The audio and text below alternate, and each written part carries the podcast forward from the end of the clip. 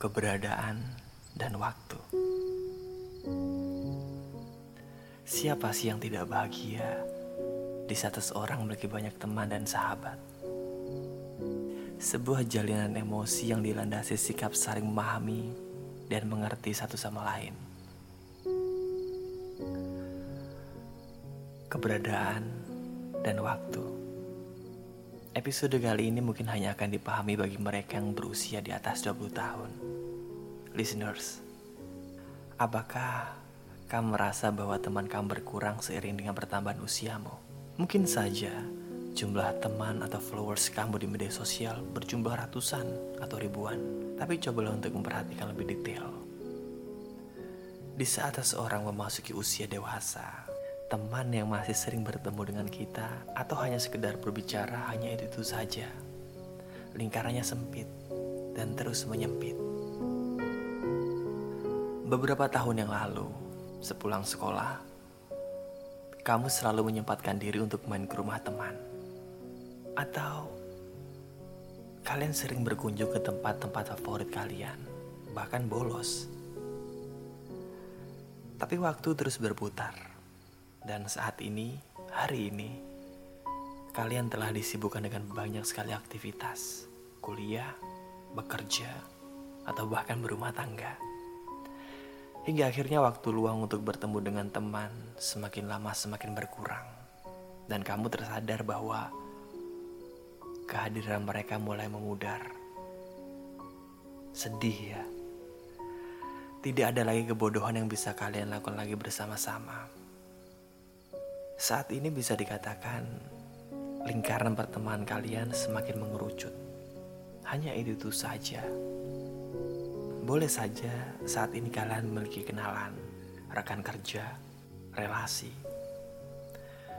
Akan tetapi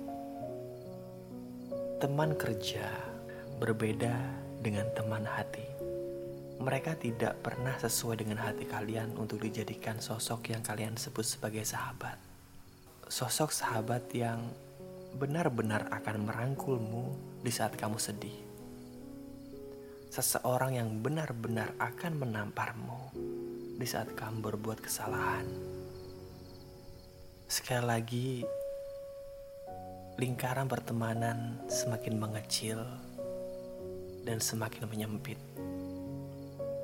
Tapi ketahuilah, walaupun jumlah temanmu saat ini semakin sedikit, bukan berarti ini adalah hal yang buruk. Bahkan bisa saja hal ini cenderung merupakan hal positif untuk kehidupanmu. Di saat kita memasuki usia dewasa, kita mulai memutuskan siapa yang paling penting dan siapa yang paling berharga dalam hidup.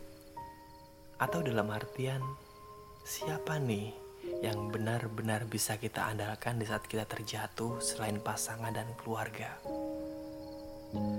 Seiring bertambahnya usia, kita juga mulai memilih individu seperti apa yang kita inginkan untuk ada di sekitar kita. Dan tanpa kita sadari, kita mulai menyeleksi teman-teman kita. Mengikuti istilah seleksi alam ataupun tidak, sebenarnya kita akan memilih berteman dengan orang-orang yang kita rasa pantas. Orang yang kita rasa cocok untuk masuk ke dalam lingkup terdekat hidup kita kita membeli mereka yang kita rasa mampu untuk mendukung tercapainya cita-cita kita.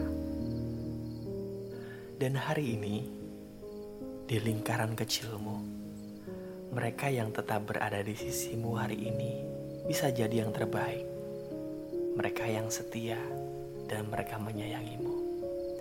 Tidak perlu lagi mempermasalahkan jumlah. Apa gunanya memiliki 100 teman tapi kita merasa kesepian? Lebih baik kita memiliki dua atau tiga orang teman, tapi selalu ada dalam setiap ruang hati dan emosi. Hari ini kita disadarkan bahwa waktu yang berjalan sangat berharga, termasuk membangun, menjalin, dan merawat persahabatan. Hargai lingkaran kecil kalian saat ini.